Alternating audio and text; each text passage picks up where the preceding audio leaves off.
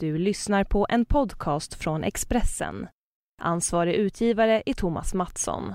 Hej och välkommen till Livshjulet och avsnitt 189. Jag heter Anna Hegerstrand och i den här podden träffar jag kända svenska gäster för att prata om livet och de olika delarna som ingår i vårt livshjul. Allt från relationer, hälsa och personlig utveckling till ekonomi och karriär. Den här veckan har jag den äran att gästas ännu en gång av Agneta Sjödin. Ja, för Agneta gästade mig första gången i avsnitt 36 för tre år sedan och då satt vi hemma hos henne i Nacka och spelade in. Den här gången sågs vi i Expressens poddstudio för att prata vidare om hennes 20 år långa personliga inre resa, hur hon blev så bra vän med författaren Paolo Coelho, varför hon trivs så bra i sitt eget sällskap och hur det kommer sig att hon bara blir snyggare och snyggare med åren.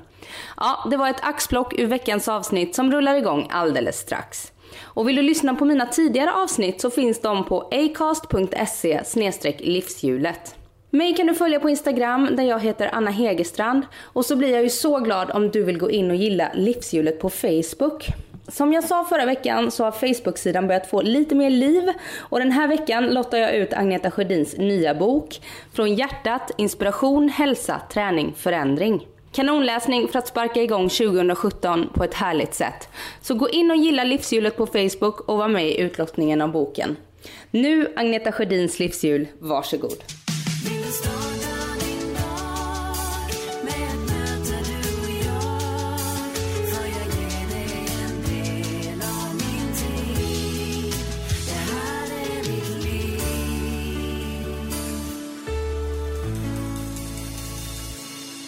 Höll ju på att skriva en bok sist vi pratade för tre år sedan. Ja, det är väl Och det gick den... segt sa du då. Var det den här boken? Nej, då måste det ha varit av egen kraft. Det måste ha varit förra boken. Men av egen kraft, ja den släpptes för, är det Ja. När släpptes den? Förra året? 2016? September? Jag tror att Nej, jag... 2015 i september måste den ha släppts. Ja, och vi träffades eh, i januari 2014. Ja, då var det av egen kraft du skrev. Mm. Och nu är du eh, Då tillbaka. hade jag nog precis börjat med den. Ja, Och därför det kändes segt. Det är ju alltid det i början. ja, och nu är du tillbaka med en bok i samma, Ja, en på samma uppföljare tema. till den. Det är en uppföljare till den för att den gick så himla bra. Den säljer ju fortfarande. Ja. Och då ville förlaget skriva en uppföljare och först tänkte jag, åh men jag har ju skrivit allt i den boken. Men sen blev det en annan bok. Så, om medmänsklighet och sätta gränser och ja. mm, som heter Från hjärtat, inspiration, hälsa, träning, förändring. Mm, Mm. exakt. Och hur kommer det sig att du valde den titeln då? Jag valde den titeln dels för att jag har mina hjärtan som, jag, som, eh, som har blivit en symbol som jag samlar på och delar med mig av. Och som människor delar med, mig av, eh, delar med sig av till mig. Så det har varit så roligt. Det blir som en sorts rörelse, ett movement liksom. Eh, och sen handlar den ju väldigt mycket om att eh, hur, kan jag, hur kan jag förändra världen där jag står liksom. Den första boken av egen kraft handlar ju om att bygga upp en bra relation till sig själv. Vilket är en grundsten som är superviktig. Det är jätteviktigt att respektera och älska sig själv och ta hand om sig själv och sina tankar och, och hur man agerar och sådär. Så handlar den här boken om nästa steg. Hur, hur kan jag vara en bra partner, arbetskollega, vän, förälder? Nu finns det ju inte så här handgripliga råd i det, men det handlar väldigt mycket om liksom, hur kan jag förändra världen i det lilla? Och du utgår min- från dig själv såklart.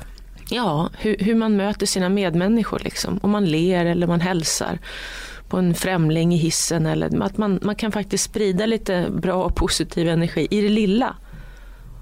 Eh, jag Tänk- det Tänker du på det?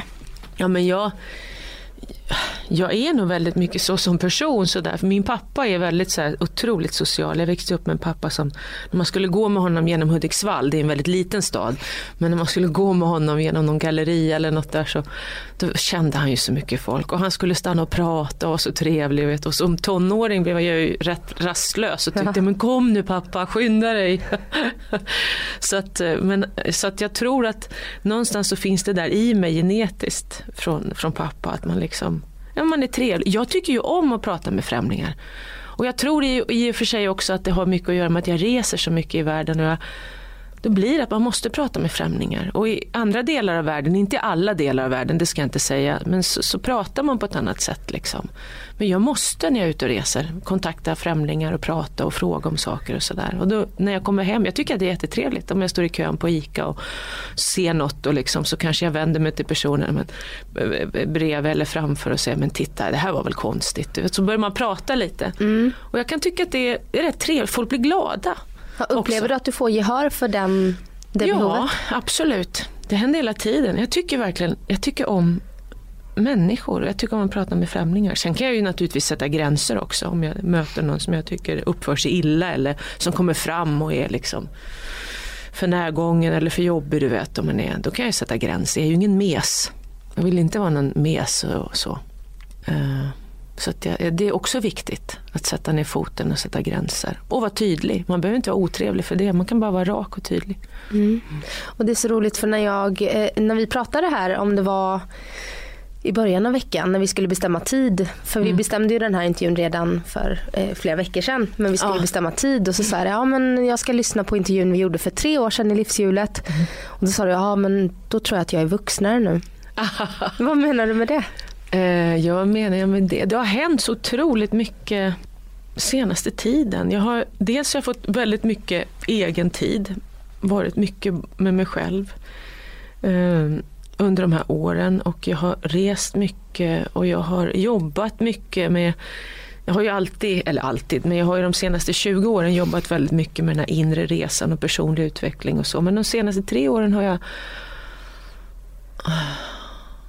Det är, det är något man konstant fortsätter med känns det som. Det är inte så att man går en kurs i personlig utveckling och sen är man färdig. Utan man testar ju många olika verktyg. Och jag tycker att den senaste tiden har jag fördjupat mig lite i det. För det, det är sånt där jag får tid med när jag lever, när jag lever ensam. Jag har min dotter då naturligtvis, Maja. Vi har ju mycket tid ihop men, men därutöver när hon gör sina saker så har jag haft tid liksom till det. Och det tror jag, det, då utvecklas man ju. Men framförallt tror jag att det är allt resande. Och att jag faktiskt börjar bli äldre. Så att jag, det, rent fysiskt så är jag också vuxnare än vad jag var för tre år sedan. Ja. Samtidigt som du är ju en av de där som många säger, vad, vad, är hennes hemlighet? Hon blir bara snyggare och snyggare med åren. Ja det är ju härligt. Det är ju härligt om man blir snyggare med åren. Men man får ofta höra det om dig. Ja det är jättetrevligt. Det är ju mm. jättekul att höra naturligtvis. Men jag har bra gener. Jag, ja men jag har bra. Jag, jag kommer ihåg min mormor nu dog hon alldeles för ung tyvärr. Det var väldigt sorgligt. Men hennes hy, du vet. Kommer ihåg även när hon var så 75. Vilken mjuk och len hy hon, hon hade. Mm. Uh, så det, och sen har jag en pappa som är, han har inte sån hy som mormor, men han jobbar ju i skogen från att han var 12 år, så han är ju lite mer väderbiten. Men han har ju också alltid tränat. Pappa är fortfarande väldigt sådär aktiv, han, kan, han stretchar ju varje dag, han tränar, han cyklar och åker skidor. Och, han kan fortfarande klättra upp i ett träd. Liksom. Så det, jag, har ju, jag tycker jag, jag har bra gener och jag tänker mycket på det också. Att ta hand om mig efter bästa förmåga. Jag röker inte till exempel. Jag dricker väldigt, väldigt lite alkohol. Jag försöker äta bra mat. Jag har ingen direkt kost sådär, men jag försöker äta bra. Jag äter mindre och mindre animaliskt måste jag säga. Rött kött slutade jag med för ganska länge sedan. Och jag, är inte så förtjust. Jag fisk äter jag väl men jag, jag, känner mer och mer att det, det är någonting som säger stopp lite grann runt det. Um, och jag I hur du mår efter då när du äter? Ja men hur det känns liksom. Jag är inte så sugen riktigt. Jag tycker också hela den här industrin runt liksom mm. nötkött och, och kyckling och sådär. Det känns, känns fruktansvärt på något vis och det är inte så bra för miljön heller. Eh, så att jag, där har jag, ju, har jag ju verkligen slutat och dragit ner. Eh, och det är väl, och sen att jag rör på mig, att jag tränar. Inte väldigt så hysteriskt varje dag, men jag, jag, rör på mig och jag stretchar och jag unnar mig massage emellanåt, vilket jag tycker är viktigt. Uh, och jag lägger gärna pengar på sådana saker istället för en dyr drink i en bar. Ja. Man får prioritera. Vissa kan säga ja men det är lätt för dig och du har råd. Men, men man, jag tror att uh, man kan prioritera var man lägger kostnaderna. Man behöver inte heller, mår man bra med sin kropp och sådär, då behöver man inte heller köpa en massa dyra kläder. För då kan man känna sig fint i vad som helst. Om man mår bra i sig själv. Mm. Och att äta bra och träna, eh, det är inte dyrt. Nej, nej, nej. Har du ett par bra löparskor så... Ja, det är ju... Sen är ja, det klart ja, där. exakt. Och det är ganska fin- dyrt med godis och chips och onyttig ja, mat. Ja, ja.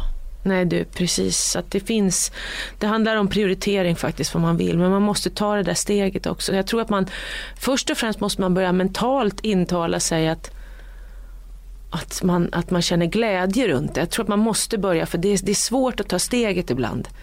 Svårt att bryta mönster och ta steget. Så jag tror man får börja liksom mentalt och intala sig själv att, att man väljer, jag väljer att förändra mitt liv. Och att man börjar tänka lite positivt och så runt det.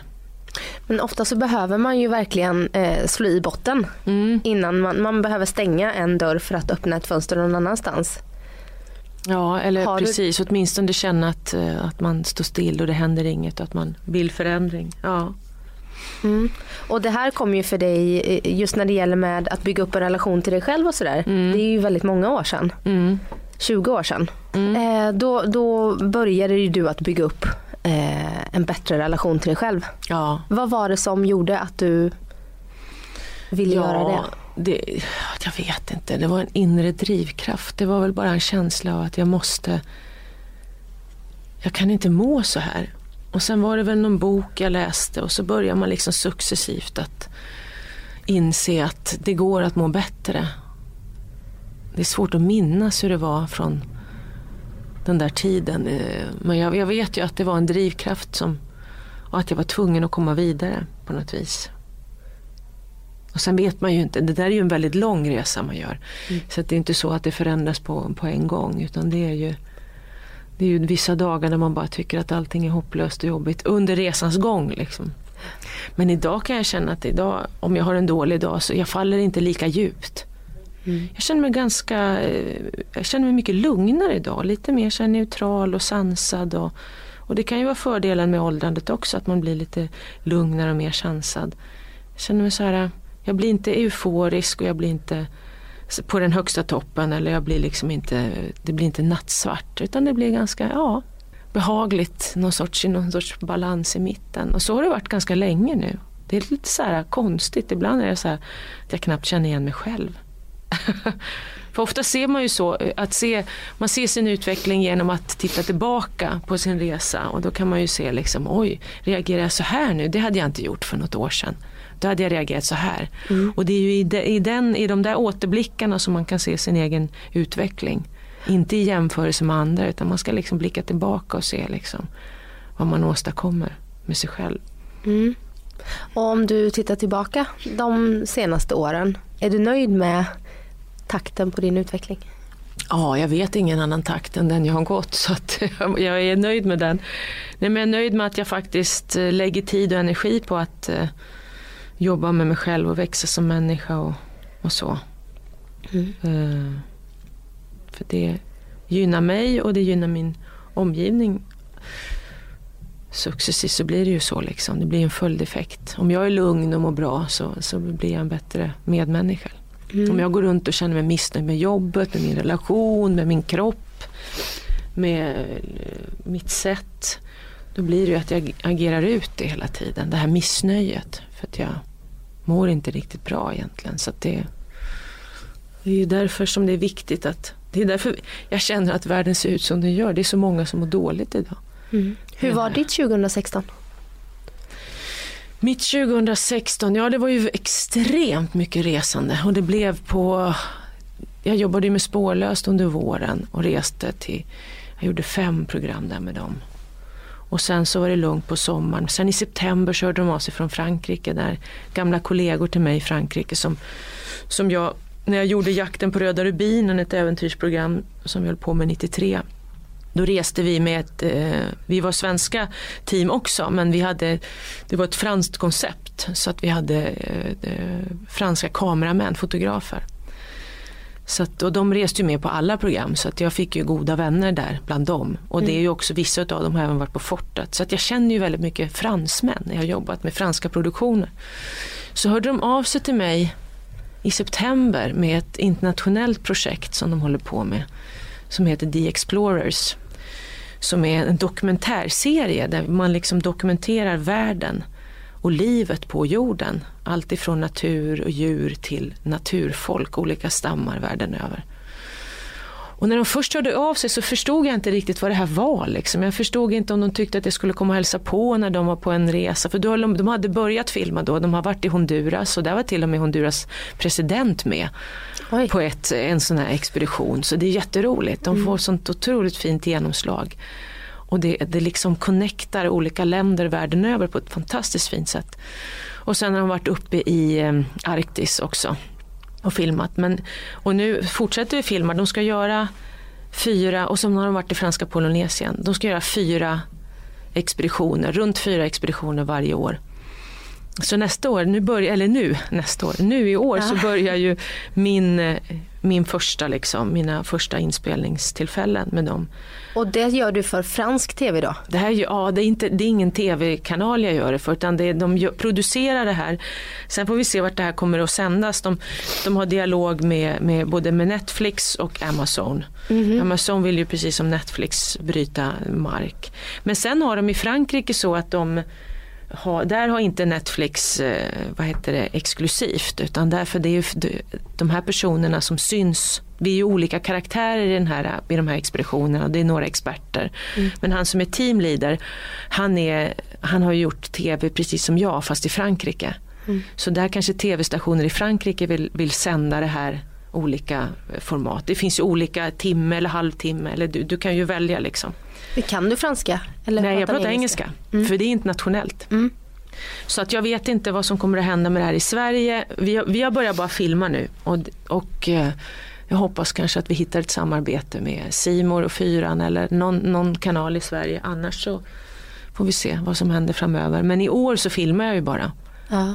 Vi behöver inte börja sända. För det här konkurrerar inte med ditt jobb på Fyran då? Nej, om det skulle sändas på Netflix då kommer det att konkurrera med TV4. Hur förhåller du dig till det då? Ja, det är det jag ska ta ställning till sen. Men där är vi ju inte riktigt än. Så det är ganska Nej. långt fram. Jag jobbar ju med TV4 under under 2017 kommer jag jobba med TV4 och jag hoppas fortsätta jobba med TV4. Jag hoppas att TV4 ska tycka att när de väl ser det här, det är fantastisk kvalitet. Vi filmar i 4K, du vet det är sånt bildmaterial så att det inte är sant. Och jag hoppas, nu kommer jag åka till i februari så åker jag till Papua, Västpapua, den delen som tillhör Indonesien. Mm. Du har ju Papua New Guinea som är en stor Du har ju västra och östra och östra är inte så himla trevlig att vara på. Så jag är glad att jag inte ska dit. Den är en ganska farlig del. Det finns delar där som är rätt farliga. Men vi ska till Indonesien och där ska du träffa fem olika stammar på olika platser. Som jag ska ja, jag kommer att bo på olika platser i djungeln så jag är lite nervös för det här för jag har ingen aning om vad det är. Jag har ju läst på lite om de här stammarna och det är rätt fascinerande. Så där är jag i februari och sen åker vi till eh, inuiterna uppe i norra Kanada i Ulukaktuk som mm. det heter. Och där var jag nu i, precis i november uppe och träffade dem. Och de pratar ju jättebra engelska där i norra Kanada. Eh, så att, eh, och då ska vi kommer jag vara med dem och intervjua några äldre inuiter, sådana som är födda i iglus och sådär och hur de levde förut och lite så. Och sen har vi lite andra projekt eh, också, men som inte är helt klara. Men de här i april är det inuiterna. Så att eh, för mig är det ju det är ett äventyr som inte har börjat riktigt än, utan det börjar ju i februari. Så att, eh, och jag har ingen aning. Det, jag är lite sådär, lite nervös ungefär som jag var inför min pilgrimsvandring 2004. För då var det också så här, jag visste liksom inte. Jag, jag, jag, jag, talade ingen, jag talar ingen spanska fortfarande, men lite grann. Men, och jag hade ingen aning om om jag skulle hitta fram och vad jag skulle, det var så mycket jag inte visste när jag skulle börja den där pilgrimsvandringen. Så då var jag ju nervös för den här ovissheten. Men sen gjorde jag det ändå trots allt ensam, vandrade och träffade folk ut med vägen och fick vänner och sådär. Men jag är så glad för, för den vandringen, att jag vågade ta det steget, det förändrade oerhört mycket i mitt liv. Och jag har ju levt på den där vandringen, allt ifrån att, att mitt författarskap kom igång, att jag skrev en roman om en kvinnas resa. Och att jag har föreläst väldigt mycket. Så att det här är ju samma sak, jag måste våga det här. Jag får liksom den här chansen, jag fyller 50 år och jag får den här chansen att resa ut och jobba med ett team internationellt. Och, och det, det känns jättespännande. Jag har ingen aning om vad... Det värsta som kan hända är att det blir bara pannkaka av alltihop. Och det är liksom, men då har jag ändå fått vara med och uppleva allt det här. Alltså jag, jag kan bli så avundsjuk. Jag har ju precis träffat Ann Lundberg här nu. Ja, vars avsnitt ja. sänds om några veckor. Men Ja. hon eh, håller ju på att spela in landgång nu. Ja, hon åker med den där båten. Ja och sen kommer du och berättar om Mm. dina fantastiska resor. Det är så här, Ja. det, det, vilka fantastiska arbeten ni har. Ja, ja, det här är ju, men det här är ju inte genom svensk tv tyvärr, men för det Nej. här kostar ju pengar liksom. Så att jag kanske, det kanske är därför man inte gör såna här stora satsningar. Men det, är, det som är så fantastiskt med det här, det är att det, är liksom, det handlar om att, att dokumentera världen och samla liksom information om, man gör de här expeditionerna för att samla information om natur och djur och människor liksom världen över som lever i naturen. Och vi har ju med experter liksom, som är experter då kanske på något speciellt. Till exempel när vi åker till Indonesien nu, Papua, då, så är det, där har du massa vackra fåglar, paradisfåglar och sådär. Då är det nog med någon expert på just det området. Och det är också rätt häftigt, så vi är ju ett team. Det är ju inte, det är inte bara jag, utan jag har min del, det som jag bevakar, mänskligheten liksom ställa alla spännande frågor till de här äh, naturmänniskorna. Vad tror ni vi kommer ifrån? Vart är vi på väg? Varför är vi här? Liksom? Hur, hur tänker de? Du vet, en stam, Danni eh, stavas det, Ndani tror jag det uttalas.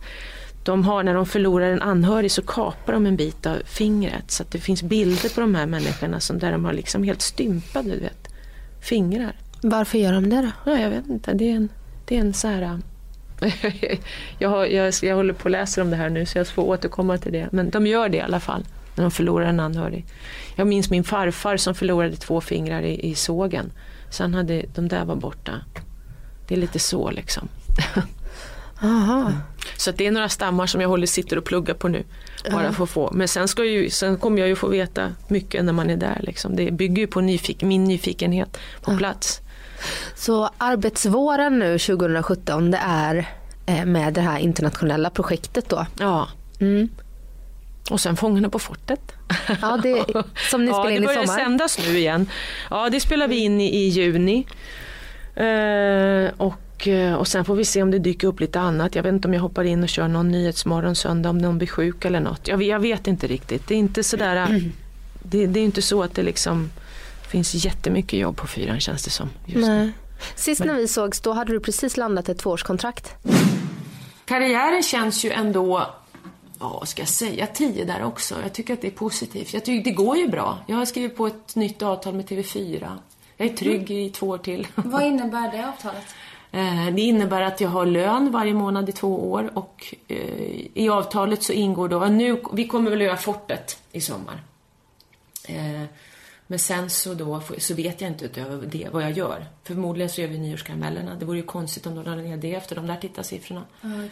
Eh, Men i övrigt så vet jag faktiskt inte. Jag vet inte om drömkåken fortsätter. Den var ju lite sådär besvikelse. Eh, De, de, de hade nog hoppats på lite högre tittarsiffror där. Men så jag har ingen aning vad som händer. Ja, Och nu ja, känns det... som att du har gjort det på nytt då. Ja, ja, precis. Vi skriver på så här för två år i stöten, fyran och jag. Och, eh, det känns ju jättefint och härligt på alla sätt och vis. Men jag, jag, tycker, jag är glad att jag får göra det här för att jag, ibland kan jag känna att jag saknar att få jobba lite också. Det har varit lite, det, det är många på fyran och det, det är ju liksom inte alltid man får jobba hela tiden. Så det här ska bli jättekul att få åka ut med det här. Men du har ju dina program, Nyårskaramellerna till exempel. Och Fångarna på fortet. Och Fångarna på Men fortet. det är mycket tid däremellan du vet, så man känner att man kanske, och det är klart, jag Ja. sitter ju och skriver mycket men ändå. Hade du velat eh, gå tillbaka och köra Let's Dance? Efter eh, Jessica? Nej, jag är lite, hade de frågat mig så kanske jag hade känt sådär, alltså kanske jag hade tackat ja, men så här efteråt nu, för sen fick jag ju frågan från, från fransmännen om det här och då hade jag inte kunnat göra det. Så, att, så här efteråt så är jag ju lite tacksam över att de faktiskt inte ens frågade. Ja. Så det, var ingen, det var inte meningen helt enkelt. Nej. Det är meningen att jag ska göra det här. Jag måste våga kasta mig ut lite. Och förhoppningsvis så hittar vi något samarbete så småningom med fyran. Att man kan ha vissa delar av det här. För det kommer vara fantastiskt och väldigt unikt material kan jag säga. Spännande. Mm. Du, Mm. jag, jag hittade en, en intervju med dig där du pratar om Paolo Coelho. Ja, Eller du har gjort det i flera intervjuer. Men Ja. där du säger, ja men min vän Paolo Coelho tyckte att jag skulle göra den här Ja, pilgrimsresan. det. och då undrar jag, hur blev du kompis med Paolo Coelho? Jag intervjuade ju honom och, eh, för TV4 och det var, eh, i det mötet så blev vi väldigt bra vänner för vi började prata om tecken och symbolik och jag hade vissa tecken som återkommit i mitt liv och som han skriver om i en bok och eh, vi hamnade i ett väldigt spännande samtal om just tecken och symboler. Eh, och eh, det gjorde att vi, att vi hade, och vi, det händer att vi mejlar till varandra fortfarande sådär. Om jag har någon konstig dröm vet jag att jag har mejlat till honom och han, han svarar alltid väldigt snabbt. Men vi har inte setts på länge. Så att eh, jag tror han bor i Schweiz nu. Mm. Eller om det är Zürich. Jag blandar ihop dem där. Han bor i Europa i alla fall. Mm. och jag tror inte, han reser inte lika mycket heller längre. Hur gammal är han idag? Jag vet inte, googla det. Ja. Han måste ju vara 70 något.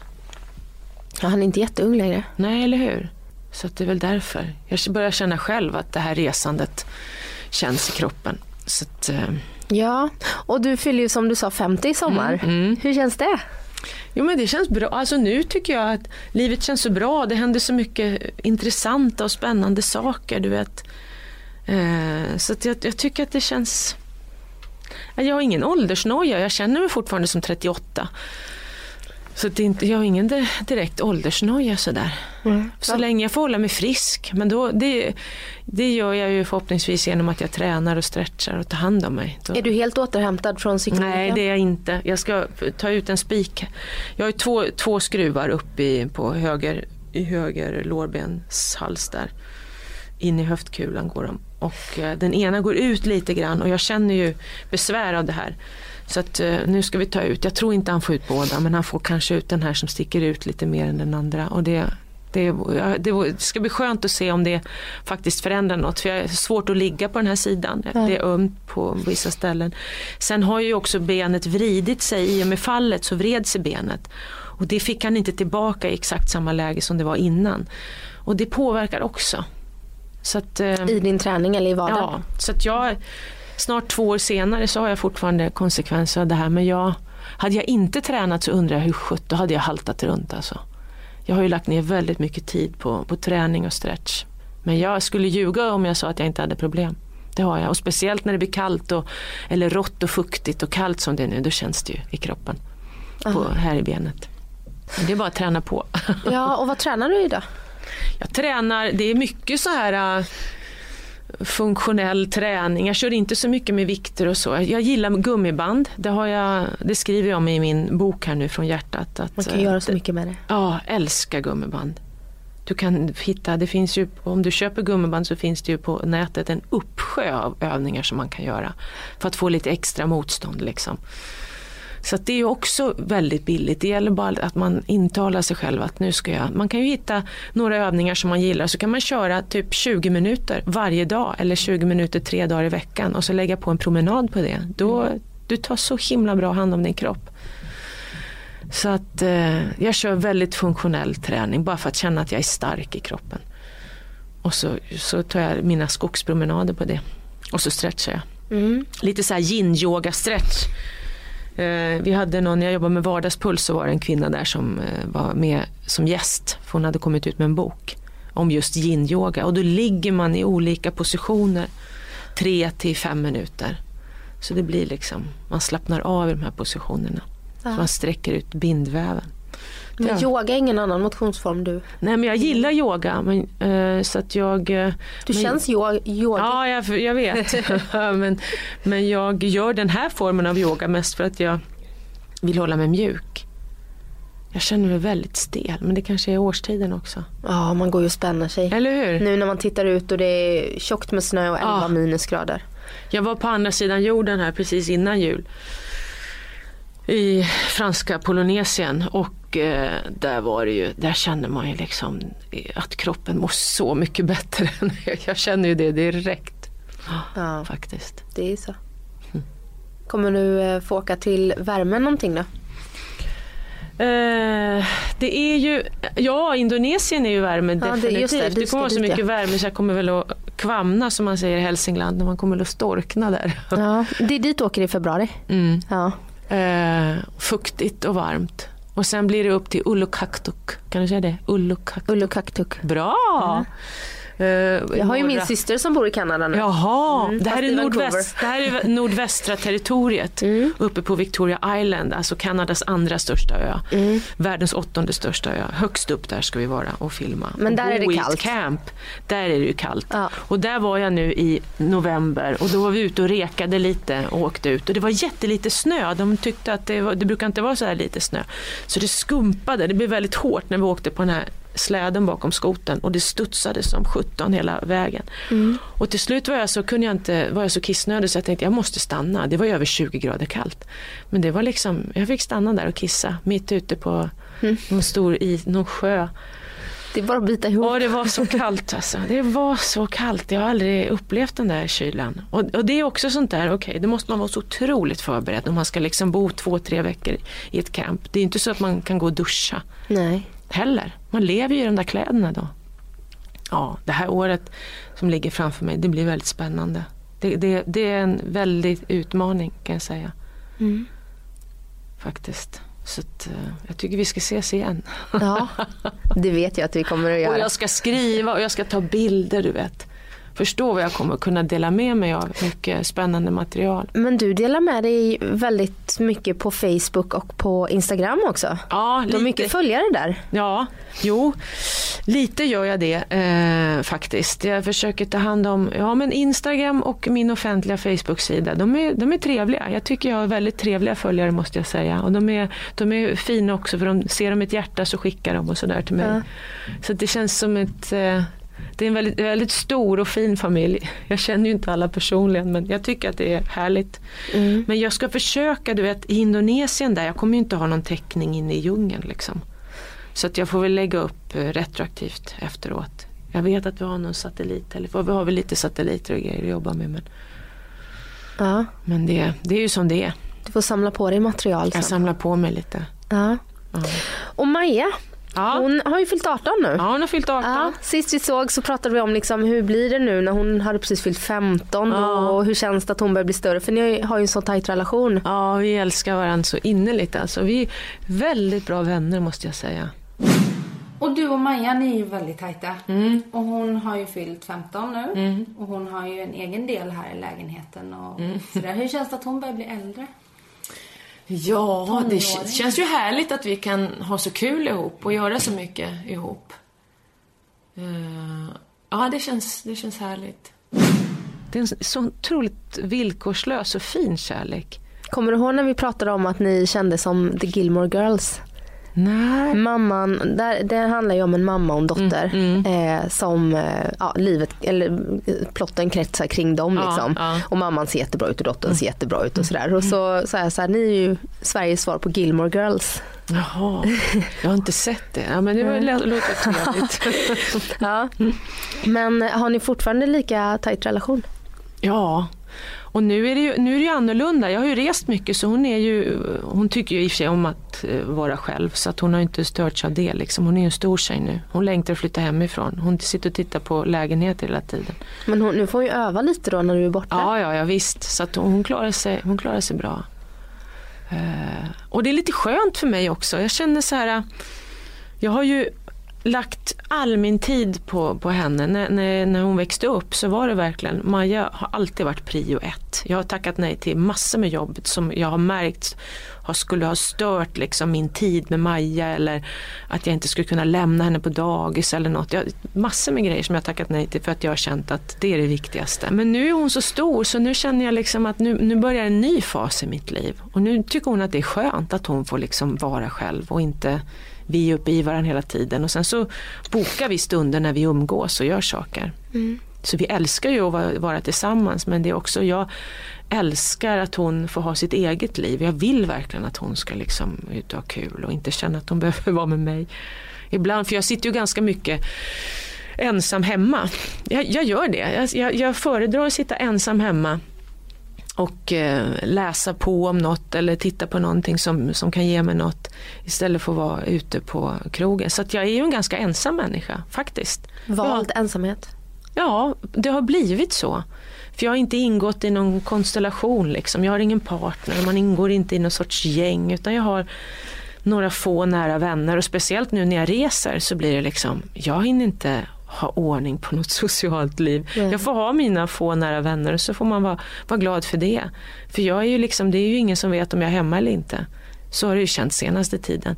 Men jag vet att Maja kan ha tyckt att det varit lite jobbigt. Ja men ska du bara vara ensam hemma? Och, ja men jag, alltså det går jättebra. Eh, och så att det för mig är det bara viktigt att hon får ett härligt liv. Eh, för det blir, ingen, det, blir ju, oh, det blir ju ingen rytm när man är ute och reser så här. Det blir ju verkligen bara, när jag väl är hemma så vill jag bara vila. På något vis, känner Mm. jag. Det Hon har, ju känns... släppt, eh, hon har ju släppt en låt också Maja. Har du hört den? Nej jag har inte hört den Nej. men jag såg på om det var din Instagram kanske? Nej, jag får inte lägga upp något. Nej du får inte det. det så det jag har inte lagt upp något. Nej, hon, varken jag eller Niklas, för hon vill inte att vi, hon vill inte vara någon kändis, något kändisbarn som liksom Nej det är så men jag såg på på, sina något föräldrar. sätt. Mm. Eller så hittade jag hennes Instagram Ja, via ja. din Instagram. Så kan det vara. Ja. Ja. Hon har eget Instagram. Ja. Ja precis. Nej, hon vill verkligen bygga sin egen karriär och inte rida på någon. Det, det är väldigt viktigt för henne. Då får jag bjuda mycket- hit henne i egen Ja. hög person då. Ja, det får du göra. Hon har mycket integritet. Det tycker jag om. Hon är otroligt ambitiös med Mm. det hon gör. Hon är en unik tonåring måste jag säga. Jag älskar den där tjejen väldigt mycket. Ja. Nej, men jag kan förstå det. Hennes, hennes pappa är en liksom framgångsrik Mm. svensk musiker. Mm. Och så blir det så här, "Ah, hon får den här möjligheten för att hon är dotter till honom då. Ja, fast så är det ju verkligen inte. Nej, för hon precis, men- skriver ju hon skriver så himla mycket bra musik och hon gör det så snabbt. Hon har, så hon har ju en väldigt stor egen begåvning. Mm. Men för mig är det så svårt att relatera till det där för jag växte upp i Hudiksvall. Mm. 20 000 kanske bor inne i Hudik och eh, du vet, eh, fanns ju inga kändisar i min närhet överhuvudtaget och jag drömde om den där världen i Stockholm och du vet, få vara med där och bland alla kända människor och jag ville bli skådis och allt sånt där. Så att min uppväxt är ju helt annorlunda. Maja har ju bara växt upp liksom med bara massa kända personer runt sig. Hon har ju träffat liksom genom mig och sin pappa så många så att våra våra uppväxter är ju så liksom otroligt olika. Så att för mig har det varit väldigt svårt att identifiera mig och förstå hur det har varit för henne. Mm. Jag tror inte att det är så himla lätt alla gånger att växa upp som ett kändisbarn. Nej. Jag hade Benjamin Ingrosso här Ja. som också kommer om några veckor. Jaha, Men han pratade också om hälsa. det att han, Mm. ja, han vill inte bli, han vill ha liksom distans till Ja. det här Wahlgren-familjen. Ja. För han vill att folk ska förstå att han har kämpat för sin musik och Ja, ja, han är ja. jätteduktig. Så tror jag både han och Bianca känner, jag tror alla de där barnen känner ju så också naturligtvis. Att de vill, de vill bli sedda för de, de, eh, de är liksom. Inte för genom sina föräldrar och det där förstår jag ju hundra procent. Jag hade ju känt precis samma sak. Ja. Men man har ju en fördel för att man har, det öppnar ju dörrar att ha kända föräldrar. Men man får ju också en stämpel. Ja exakt, exakt. Och det är klart att, att man kan ha fördelen av att dörrar kan öppnas. Men det är fortfarande den egna individens attityd som gör om man kan få stanna kvar där innanför den där dörren eller inte. Om man inte har talang eller förmåga eller rätt attityd. Då, får man ju inte, då har man ju ingen fördel av bara för att man är kändisbarn. Liksom. Vad är det som har gjort dig till en av Sveriges mest populära programledare då? Som har jobbat i 26 år på TV4. Ja, shit, 26 år på samma kanal. Jag är väldigt lojal. Ja. Eh, ja du, vad är det för något? Hmm. Jag vet inte. Jag har ju alltid bara varit väldigt mycket den jag är. Jag får väl tacka mina föräldrar någonstans som har uppfostrat mig bra. Jag har liksom fått, en, eh, fått med mig schyssta värderingar och jag är den jag är på något vis. Mm.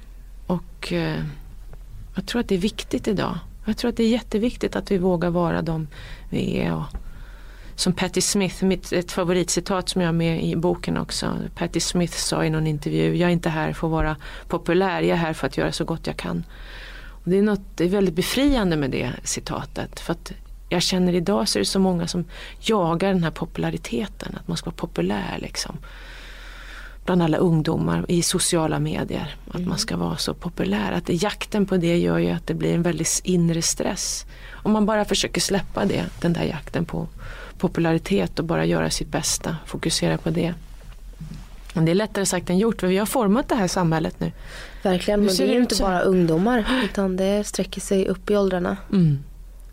Vi måste jobba på den där inre tryggheten. Liksom, att, man, att man jobba på att känna att man räcker till precis som man är oavsett bekräftelse utifrån eller inte. Det är ju det allra, allra viktigaste. Att jag räcker till precis som jag är oavsett om jag får det där jobberbjudandet eller blir ihop med den där killen eller du vet om han det är så mycket liksom som vi vi lever så väldigt mycket utifrån istället för inifrån. Mm. Och sist när vi sågs då så gav du, kommer du ihåg att vi gick igenom de olika delarna i livshjulet och satte betyg på dem? Mm, mm, Det var väldigt många tior. mm. Eh, men personlig utveckling fick en nia. Och personlig utveckling är den sista tårtbiten vi ska prata om. Ja, där är jag bra faktiskt tycker jag. Ja, Ja, där tycker jag ändå att jag gör en stor insats. berätta. Eh, för att jag är väldigt medveten om att, att allting eh, i min omgivning är hur jag mår inom mig själv. Så att ju bättre jag mår här inne och ju mer jag lär känna mig själv och utvecklas, ju bättre kommer liksom mina relationer att bli. Eh, det har jag ju förstått. Så det där har jag ju ägnat mig åt i många år, i alla fall en 17 år, personlig utveckling.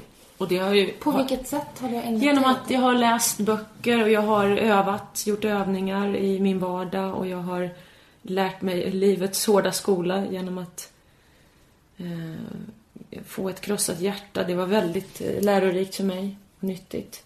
Och sen hitta tillbaka. Så att jag... Eh, det, är ju no, det är ju ett intresse. Och det är ju ett intresse också som jag bakar in i mina romaner. Jag skulle ju kunna skriva såna här eh, självhjälpsböcker som, eh, som är så populärt och som alla gör. Och den ena är den andra lik. De sticker ju liksom inte ut liksom. Har du läst en så har du läst alla på något sätt. Sen har jag mina favoriter naturligtvis. Där jag tycker att de hittar något unikt. Och sen så snor alla av dem. Vilken är din favorit? Nej, men jag tycker ju Marianne Williamson är fantastiskt bra. Jag tycker Eckhart Tolle är ett geni. Eh, jag tycker Don Miguel Ruiz. Det är väl några sådär som jag har läst där jag verkligen känner att wow, vad de har förstått det här. För du sa det att jag, jag har kommit väldigt långt och jag är väldigt nöjd med liksom var jag är och sådär. Men jag, man kan ju inte sätta en tia för det skulle innebära att jag är klar. Ja, men det är man ju aldrig riktigt. Nej. Så att jag kan, nej, det kan jag fortfarande inte göra. För att jag kommer fortsätta utvecklas som människa hela livet. Mm. Och just att man har en bra relation till sig själv eh, tyckte du, eller sa du då, eh, är ju förutsättningen för att man ska kunna ha en bra relation till Ja. andra människor. Ja. Känner du att du har så pass bra relation till dig själv Mm. så att du eh, är en bra vän, skulle bli en bra livskamrat och bra mamma? Ja, absolut. Så, känner- där är du framme. Ja, Ändå. eller fram och framme. Det får jag ju också jobba på varje dag. Men den är ju hästlängder bättre än vad den var för 20 år sedan kan jag säga. Eh, jo men jag tycker det. Jag trivs jättebra i mitt eget sällskap. Jag gör verkligen det. Eh, och det är jätteviktigt. Men det är klart att man kan vackla där också ibland. Jag är ju kvinna. Vad är det som gör att du vacklar? Ja, men det, kan vara, det kan vara psyken, hormoncykel, det kan vara allt möjligt. Det kan vara att man är trött, att man är hungrig, att man är du vet. Sting sjunger i en låt, She can be all four seasons in one day. Och det, det, är verkligen, det kan jag uppleva liksom också. Att vara och, kvinna. Ja, och, och det, men det tror jag ofta, oftare kommer fram i parrelationer. Jag har aldrig de problemen med Maja eller med kompisar och i jobbet. I jobbet är jag liksom bara, där är jag bara fokuserad på att göra ett bra jobb och skapa bra stämning. Det tycker jag är de viktigaste ingredienserna i, i min bransch. Så att alla mår bra liksom. Men i parrelationer då, då kan det bli lite sådär, då, kan jag, då tar jag mig lite större friheter att vara lite grinig om det är något. Varför jag, gör man det? Ja, jag vet inte. Jag vet faktiskt Är det inte. någonstans man borde vilja ha det bra så är det ju parrelationen när man är jämt. Ja, ja, det är jättekonstigt. Och, eh, men jag tror också att det gäller att hitta någon som inte, det, alltså det som är så viktigt i relationer det är att inte ta allting perso- så personligt. Förstår du? Mm. Om din partner är grinig mot dig, då, då är det ju något i honom. du vet. Han kanske är trött, han kanske är stressad, han kanske är hungrig. Det kanske är någonting du vet, han håller på att bearbeta. Och då är det ju så lätt då som partner att, jaha, det var värst vad du var grinig. och Du vet att man går igång på något och tar, tar det personligt. Mm. Fast det inte är det.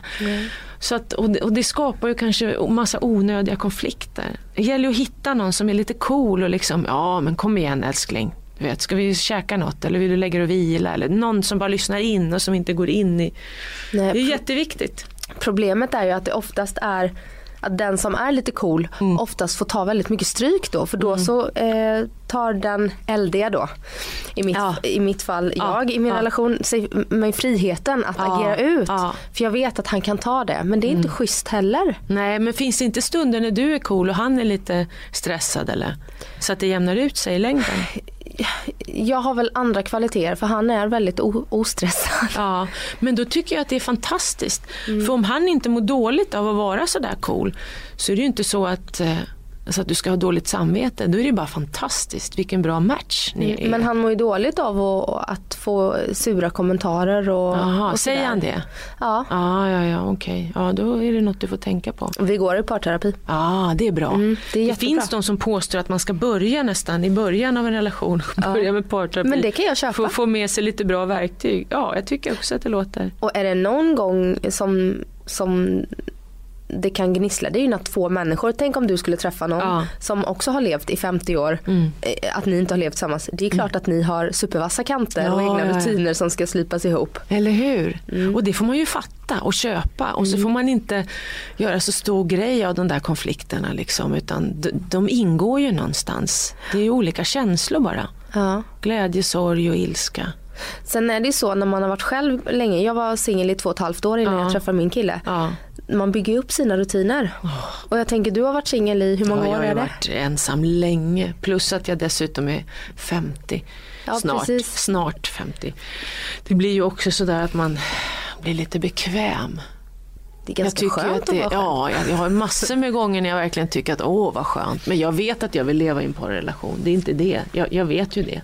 Jag vill hitta någon som passar väldigt bra ihop med mig. Det är det som är det viktiga. För jag vill uppleva saker tillsammans med en person. Men uppleva livet och världen. Men inte till vilket pris som helst. Nej, nej, nej, absolut inte. Skulle du kunna tänka dig att bli sambo igen? Och...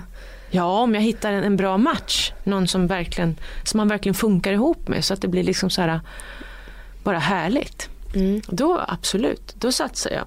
100 procent. Och, och när vi såg sist då pratade vi nog om det var en kvart eller 20 minuter om AIK hockey. Jaha, och jag har inte varit på hockey på jättelänge. Nej för då så sa ju du det att eh, om kvinnor bara kunde förstå att där är det bara liksom, Ja. det är bara män eller Men män å andra som går sidan på hockey. träffar man ingen där. Nej, jag har gått på hockey i flera år och det är bara män men det, du, det, det, jag har aldrig träffat någon där heller. Men, men Så det, är- det är ingen bra raggningsplats Nej. tydligen. av erfarenhet, nej precis. Men du är inte så engagerad alls? Nej, AIK? jag har säsongskort men jag har faktiskt varit ute och rest så mycket så att jag, har, Ja. inte, jag har missat all hockey som var under 2016. Det är ett stort Alltså, intresse som eh, Ja, vet. har lagts på hyllan. Ja, lite, lite så blev det. Men jag tror att livet går i olika faser och jag kände att när jag väl var hemma emellan de här resorna så prioriterade jag att laga en god middag och hänga med Maja hemma i soffan. Det För blev, Maja gillar inte hockey. Nej, Nej. det blev lite så faktiskt. Att jag, jag omprioriterar saker när jag reser mycket för då behöver jag återhämta mig när jag väl är hemma. Folk tror ju liksom, de undrar var jag får all energi ifrån och hur, när jag orkar resa och sådär. Men jag återhämtar mig också däremellan. Så det, det är viktigt. Mm. Och du känner, du känner nu blir det ju ett intensivt första halvår med resandet och sådär. Resten Mm. av 2017. Nej, men jag kommer att resa även i, i sommar. Det är inte riktigt klart än så jag vågar inte säga vart vi ska. Men jag vet ju vad vi pratar om. Men jag kommer i juni också och sen eh, efter sommaren där också. Så det, jag tror att det blir fyra expeditioner nästa år. Ja. Har, vad har du annars eh, som du önskar eh, för 2017? Förutom jobb och sådär. Är det någonting du känner att här vill jag ta tag i eller? Det är så mycket. Jag kommer att skriva och ta bilder och dokumentera allt jag gör under de här resorna. Det kommer jag definitivt att göra. Men i övrigt så är, lig- ligger ju verkligen fokus på att göra ett riktigt bra jobb Mm. i det här teamet. Så att jag tänker inte på så mycket annat. Min dotter, typ. Ja. Och du var ju så otroligt nöjd med din nya bostad då, sist Ja. vi sågs. Och bostad då? Ja nu, alltså det här kommer bli så många tio. Ja. ja men det här känns ju som topp, eh, ja det här känns som en tia för mig. Det kan jag nog skriva under på. Ja, jag hittar mitt drömboende. Jag är så glad att, jag, att det gick igenom den här. Det gick så snabbt. Jag fick nys om den här och jag lyckades lokalisera vilka som vilken som ägde det och mäklaren. Och det gick snabbt att sälja och ja, det gick väldigt fort. Jag vet att du pratade om att flytta in till Söder ett tag. Ja, jag tänkte inte i stan. Men jag hittade liksom inget likvärdigt som där jag bodde. Det här är ju det. Hade det här, den här standarden inne i stan blir ju genast dyrare. Och det hade jag inte riktigt eh, råd med. Och jag ville liksom inte flytta till något som var mindre för oss, utan jag ville ha likvärdig storlek. Och jag trivs ju här ute. Det som är bra här, det var att vi kom upp från det här källarplanet. Det var ju, hade ju två våningsplan förut, källarplan och bottenvåning. Här är allting på ett och samma plan och det tycker jag är skönt. Ja, det är fint. Eh, Du trivs fortfarande Jag där? älskar att komma hem. Det säger folk till mig också. Men du som är kräfta, ni är ju hemmakära kräftor. Ni ska, du är ju ute och reser hela tiden. Och det stämmer ju. Jag är ju liksom, jag jag är kräfta och i kinesisk astrologi så är jag get. Och get är precis som kräfta, tycker om liksom hemmet och vara hemma. Så att i två liksom olika sådana så är jag väldigt hemmakär och ändå reser jag så mycket. Men det är, när jag kommer hem så, jag älskar att komma hem till mitt hem. Och vi kan ju säga till lyssnarna då att Mm. du bor ju i Nacka.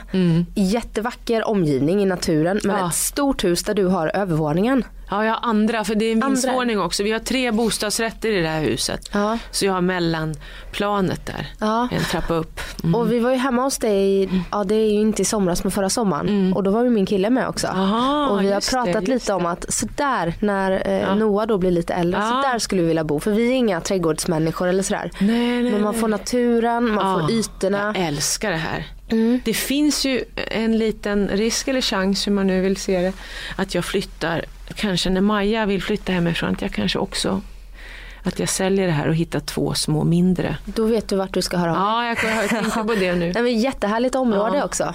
Och vi var nere vid sjön där och plåtade. Ja, du vet, jag är ju ute där i, jag går ju runt Långsjön i Nacka i princip varje dag när jag är hemma. Men du har ju Nacka naturreservat och ja, jag gillar naturen. Och enkla kommunikationer. Ja, jag, det är ju inte många singlar som bor där ute om jag säger så. Som, det är mycket familjer. Men samtidigt så du vet, jag, jag trivs ju i naturen. Och jag trivs så väldigt bra med mig själv och ja, det är ju märkligt det där. Livet. Det var superhärligt Ja, det är att ha härligt. hittat dit. Det är ju väldigt härligt. Det är så många som söker lyckan utifrån. Ja.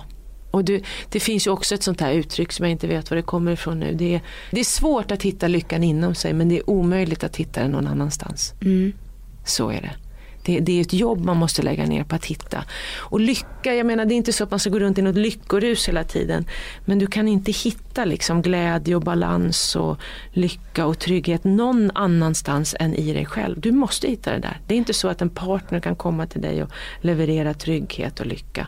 Stundtals kanske i början men är man otrygg inombords så kommer det alltid att ta sig uttryck liksom, i, i relation. Framförallt i den här parrelationen. För det är där de flesta utmaningarna kommer. Parrelationerna. Mm. Det är lätt att gå runt och vara själv och säga att man har kommit så otroligt långt med sig själv. Men så fort man går in i en relation då märker man, shit jag hade det här kvar och det här. och Man det lär här. sig rätt mycket om sig själv då. Eller hur? Och det är bra. Det är bra att lära sig mycket om sig själv. Mm. Så det är ingen fara att ha konflikter i en relation. Vissa är ju väldigt konflikträdda och tror att om man har en konflikt i en relation så då är det kört liksom. Då är det inget bra. Men vissa konflikter är ju väldigt utvecklande också. Om man lär sig att kommunicera liksom. Ja, det är ju det det hänger på, kommunikationen. Mm, exakt. Och den är ju svår. Mm. Den är lika svår som att hitta lyckan tycker jag. Ja, ja, exakt. Kanske hittar man lyckan när man lär sig att kommunicera Ja, på ett bra sätt. exakt. Ja. Och vad känner du är dina största utmaningar då? Som du står...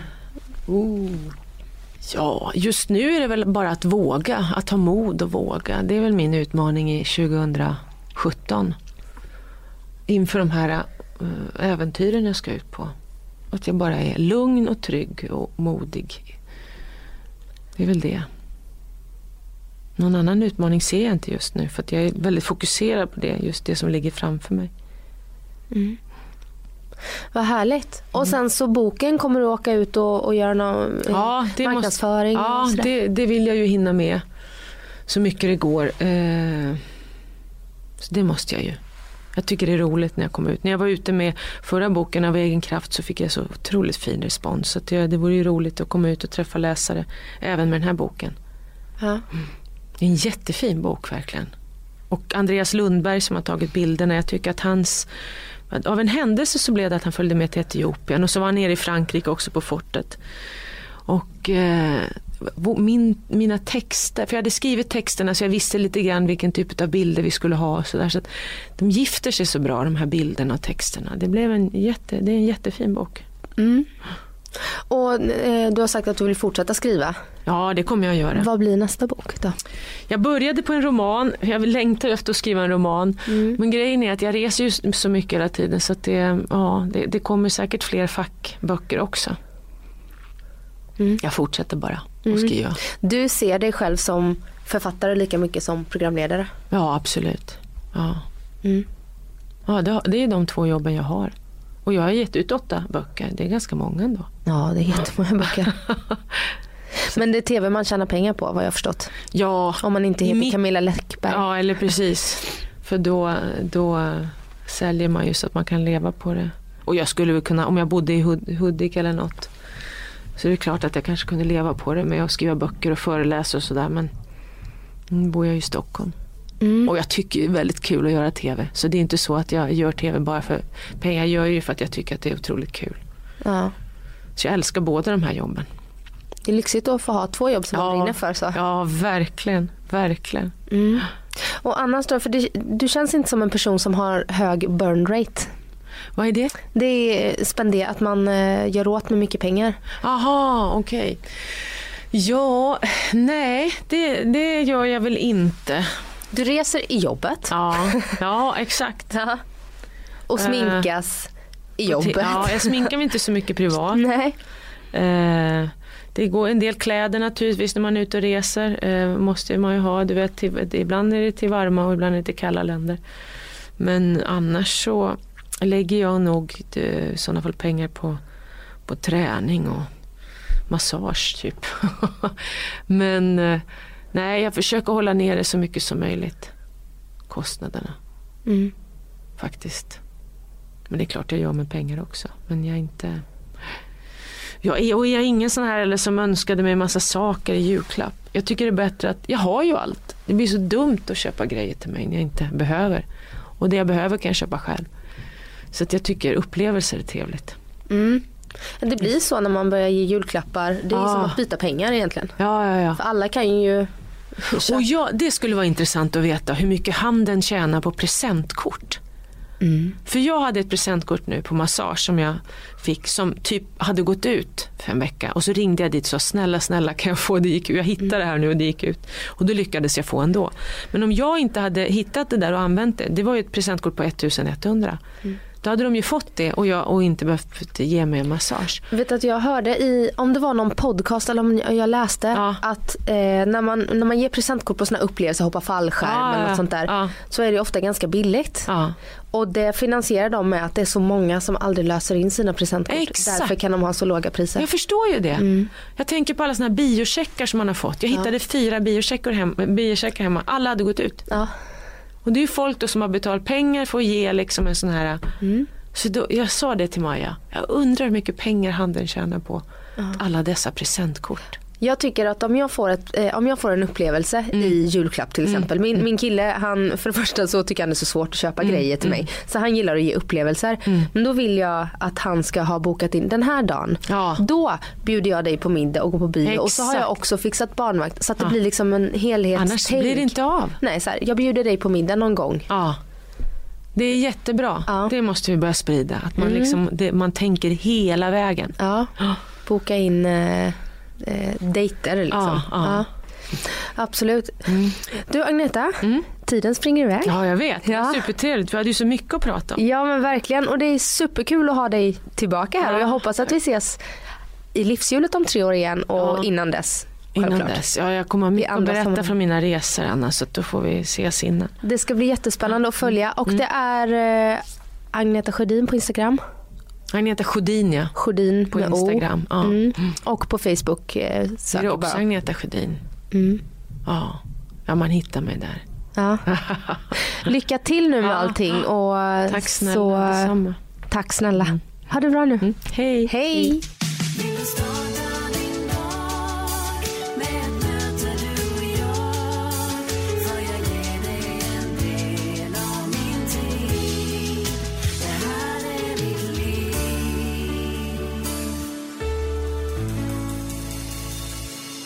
Du har lyssnat på en podcast från Expressen. Ansvarig utgivare är Thomas Mattsson. Med Hedvigs hemförsäkring är du skyddad från golv till tak oavsett om det gäller större skador eller mindre olyckor. Digital försäkring med personlig service, smidig hjälp och alltid utan bindningstid. Skaffa Hedvig så hjälper vi dig att säga upp din gamla försäkring. Hedvig hemförsäkring, ett klick bort.